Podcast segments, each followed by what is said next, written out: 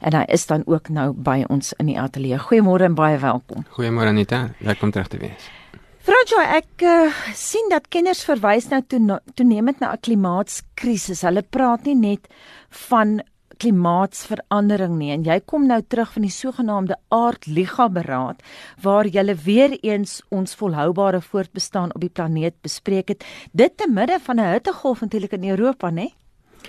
Ja, dis als jy dit maar korrek Anita, die die krisis term word natuurlik deesdae gebruik omdat ons tyd nou vinnig besig is om heeltemal op te raak om die gevaarlike impakte van klimaatsverandering te voorkom. So ons het ons moet onmiddellik aksie neem wêreldwyd en ons het baie baie moeilike uitdagings wat ons moet aanpak. Ons moet teen die jaar 2030 ons koolstofdioksied emissies op die planeet verminder met 45% relatief tot die 2010 vlakke. So dit dit dit is alreeds 'n byna onmoontlike taak. En dan moet ons voortgaan en teen die jaar 2050 moet die aarde koolstofdioksied neutraal wees. Ons moet geen verdere koolstofdioksied in die atmosfeer inpomp nie. As ons dit nie reg kry nie, gaan ons 'n was 'n verskeidenheid van gevaarlike impakte van klimaatsverandering wêreldwyd sien wat natuurlik begin met die met die smelt van die groot yskappe en seevlakstygings. Kom ons praat 'n bietjie oor wat in Hamburg gebeur het. Ek weet president Trump het aandag ook daar gekry en ek sien jy het jou kop instemmend geknik toe ek gesê het dat jou kollegas begin nou praat van 'n klimaatskrisis. Ja nee, dit is korrek. So die by die G20 het natuurlik 19 van die 20 lede van die G20 hulle weer eens verbind om die ambisies om klimaatsverandering um, te takel aansienlik te vergroot. So 19 van die 20 lande het hulle weer eens uitgespreek ten gunste van die Parys-ooreenkoms en het verdere stappe aangekondig om die ooreenkoms meer aggressief as ooit vantevore te implementeer. En dit sluit ook grootskaalse finansiële hulp aan in aan die ontwikkelende dele van die wêreld, ook Afrika, sodat hierdie lande in die toekoms kan groei deur alternatiewe forme van energie, hoofsaaklik natuurlik hernubare forme van energie. Hulle het ook hulle uh, weer eens verbind om die ontwikkelende en die mees kwesbare lande in die wêreld finansiëel te help om aan te pas by die impakte van klimaatsverandering. Maar daar is natuurlik een land wat nie hierdie verbintenisse maak nie en dit is dit is natuurlik die FSA. En ehm um, die FSA het natuurlik in sy stellings rondom hierdie spesifieke Hamburg uh, proklamasie wat gemaak is, weer eens gesê dat die Parys-ooreenkoms en sy implementering is nie in die werk nie in die guns van Amerikaanse werkers en belastingbetalers nie. So dit is die rede wat amptelik ehm um, wat amptelik genoem is, maar dit is dit is nogal tragies dat daar dat dat een van die grootste vrystellers van koolstofdioksied in die wêreld vandag nog steeds nie die Parys-ooreenkoms wil onderskryf nie en as ware besig is om formeel daarvan te onder, te onttrek. Dit was nie so onder Obama nie. Ja, onder die leiding van die vorige administrasie in die FSA het Amerika eintlik een van die leiers geword in die stryd teen klimaatsverandering. En by die Verenigde Nasies se onderhandelingsproses ehm um, in die uh onder die Obama administrasie het Amerika en die Europese Unie eintlik die pas aangegee. En deur hierdie twee groot uh groot magsblokke kon hulle eintlik groot vordering maak tot en met die uiteindelike ooreenkoms wat bereik is in Parys. Kom ons praat 'n bietjie vir luisteraars wat daai ooreenkoms gemis het. Jy was baie betrokke by die Parys beraad in terme van uh, goed wat jy opskryf het as 'n wetenskaplike. Net baie kortliks vir luisteraars wat nie weet waaroor die Parys beraad gegaan het nie. Gee vir ons 'n kort antwoord daar.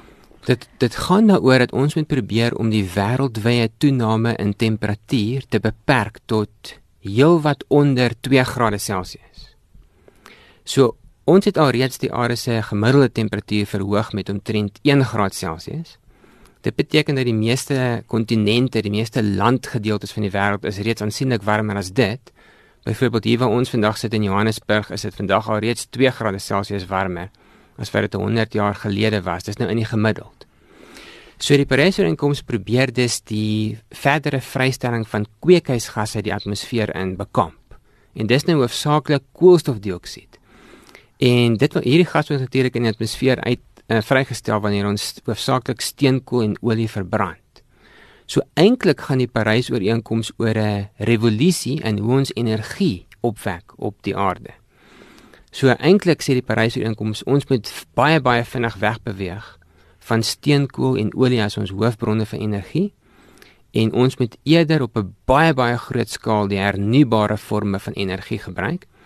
En in hierdie Parys-ooreenkoms word natuurlik ook voorsien dat die gebruik van kernkrag ook sal toeneem as ons nou suksesvol behaal om die wêreldwye temperatuurtoename te bekamp.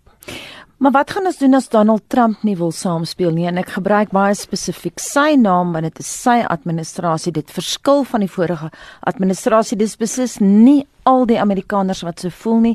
Ek weet jy het uh, jy en ek het Vrydag 'n bietjie gepraat oor wetenskaplikes met wie hy te doen gehad het by vorige berade wat onder Obama gewerk het en nou met hulle heel ander storie verkoop wat hulle gedwing word want hulle moet sê wat Donald Trump wil hê hulle moet sê. Die probleem van klimaatsverandering kan nie kan nie suksesvol aangespreek word sonder dat twee lande in die wêreld deel is daarvan. Dit is die VSA en China. Want tussen hierdie twee lande kyk ons nog steeds na byna 45% van die wêreld se koolstofdioksied emissies. So dit maak nie regtig saak wat ons in die ontwikkelende wêreld gaan doen en al die kostes wat ons in ons ekonomie sal aangaan as ons wil wegbeweeg van steenkool na alternatiewe forme van energie toe nie. Niks daarvan gaan help as die as die as die FSA en China nie op 'n groot skaal aksie neem om hulle afhanklikheid van steenkool en en olie drasties te verminder nie. So dit is die een groot rede hoekom die klimaatsverandering proses so moeilik is om om suksesvol in die gang te kry. Ek bedoel nou die die sogenaamde ingrypingsproses om koolstofdioksied emissies te verminder. Hierdie is 'n proses wat vereis dat alle lande in die wêreld moet saamwerk as een groep as een land of 'n groep lande kostes aangaan. Maar al die ander lande gaan nie ook kostes aan om hierdie probleem te bekamp nie. Dan is daar nie voordele vir die wat wel die groot investerings maak om weg te beweeg van steenkool en olie nie. As jy pas by ons aangesluit het en wonder wie my gas is, dis professor François Engelbrecht, hy's 'n klimaatskundige aan Wits Universiteit. Hy is pas terug uit eh, Hamburg, Duitsland, waar hy 'n beraad bygewoon het, die Aard Liga beraad en ons praat vanoggend oor klimaatsverandering en Donald Trump se weiering om hom te verbind tot die stryd daarteen. Ons het vroeër ook gesê in hierdie onderhoud dat klimaatskundiges praat nou al van 'n krisis, die spertyd 2030. Kom ons kyk na die Chinese. Jy het nou baie spesifiek verwys as die Amerikaners en Chinese nie saamspeel nie, dan het ons regtig 'n probleem. Wat is die Chinese se huidige posisie? Wel op die oomblik kom min of meer 28% van die wêreld se koolstofdioksied emissies uit China uit. So hulle is van in vandag op hierdie oomblik in tyd is hulle die grootste enkele vrystander van koolstofdioksied in die atmosfeer in. Ehm um, die Amerikaanse bydrae word op die oomblik geskat dis in die orde van 16 16%. So in China sien ons wel 'n uh, 'n groot omhelsing van die nuwe hernubare energie tegnologieë. So in China is daar wel ongelooflike vooruitgang in die hoeveelheid windplase en sonplase wat alreeds opgerig is. Maar ongelukkig terselfdertyd uh, bly is daar steeds in China baie baie groot afhanklikheid van steenkool as as steeds as die hoofbron van energie. So in hierdie stadium kan ons nog nie wesenlike bewyse sien dat koolstofdioksied emissies aan die afneem is globaal nie. En die enigste magsblok of ekonomiese groep wat werklik in 'n mate vooruitgang gemaak het is natuurlik in die Europese Unie. Mm. Uh wat wat te loops nog steeds afhang nog steeds verantwoordelik verantwoordelik is vir min of meer 10% van die emissies. So as ons kyk na China, die FSA en die Europese Unie saam, dan kyk ons na meer as 50% van die wêreld se koolstofdioksied emissies. Dit is natuurlik waar die waar die poging moet begin. Ons sien dat werklike pogings in die Europese Unie.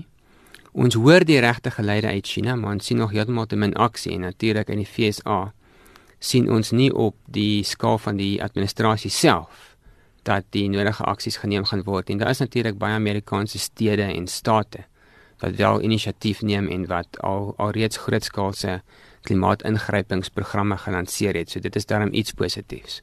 Jy het nou gesê Fransja toe jy uh, in Hamburg was, jy was daar te midde van 'n hittegolf. Ons sien en ons voel aan ons eie lywe klimaatsverandering. Byvoorbeeld in my tuin in Johannesburg sien ek vir die eerste keer in dekade sien ek jasmiin uitkom, maar te vroeg. Dis al Junie besig om te blom. Dit het altyd geblom in September en toe die afgelope paar jaar in Augustus. En nou sien ek die kloppies is nou nog nie oop nie, nee, die blommetjies is nie oop nie, maar die kloppies is al al pink. Hulle sit al daar en dis in Junie, is middel van die winter. So dis nie iets wat mense kan sê maar dit gebeur nie. Jy kan nie stuk sin sinnig daaroor wees nie, want daar is luisteraars wat al vir ons geskryf het en sê, jy weet, ons maak 'n krisis daarvan, gogga maak vir baba bang. Uh daar is 'n ander denkskool wat sê klimaatsverandering bestaan nie, maar jy is 'n wetenskaplike en jy het al hoeveel keer op hierdie program gesê jy stuk sinnig as jy so sê. Ja, ons sien wêreldwyd al hoe meer vingerafdrukke van klimaatsverandering, al hoe meer impakte van klimaatsverandering word alreeds ervaar. Ehm um, en wat jy net jou tuin beskryf is maar net een klein voorbeeld daarvan. Ehm um, kom ek begin om te praat oor die hittegolwe. Ehm um, hittegolwe is wêreldwyd besig om meer gereeld voor te kom en hulle is ook meer intens. So hulle het hulle word geassosieer met hoër temperature wanneer hulle voorkom. So die wetenskap het het vinnig die die Europese hittegolf ondersoek en die waarskynlikheid van daardie hittegolf is daai tipe hittegolf om voor te kom is al reeds ten minste 5 keer so groot as wat dit veronderstel is om te wees as gevolg van al die addisionele kweekhuisgasse in die atmosfeer. Ehm um, verlede jaar in Indië word daar geraam het omtrent 5000 mense beswyk tydens hittegolwe. En natuurlik was daar alreeds ook baie baie groot hittegolwe met duisende mense wat dood is in Europa. Die die grootste impak uh, dateer steeds terug na jaar 2003 toe min of meer uh, eh, 30000 mense dood is in verskeie dele van Europa tydens 'n geweldige hittegolf. Nou, hittegolwe kom ook al hoe meer gereeld in ons eie land voor.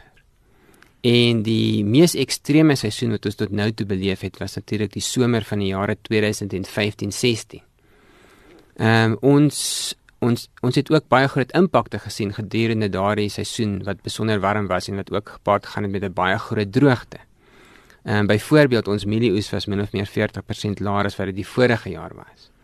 En in Botswana is 20% uh het 20% daai die die, die aantal beeste met 20% afgeneem in 2015 en, en hulle het 'n verder 20% 20% verloor in 2016 vanweë die gekombineerde werking van droogte en hittegolwe. Hm.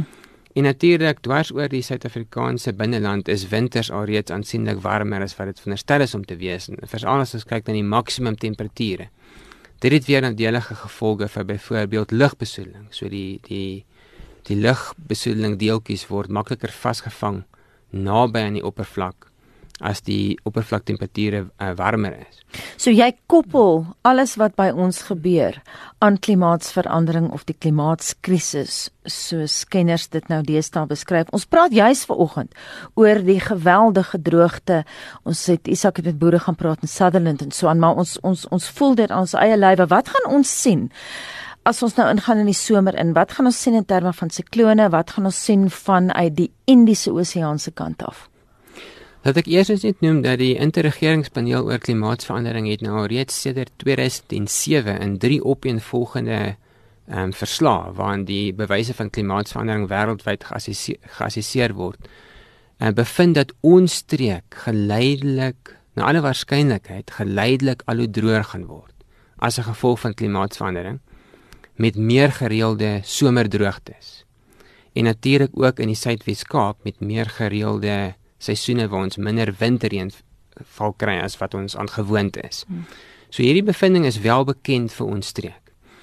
As ons kyk na wat ons kan verwag in die komende somerseisoen, dan het ons natuurlik nou net begin met die uitreik van die eerste seisonale verspannings vir hierdie somer. Ehm um, en wat ons wel in hierdie stadium kan sê is dat dit lyk asof 'n uh, El Niño verskynsel weer eens gaan voorkom.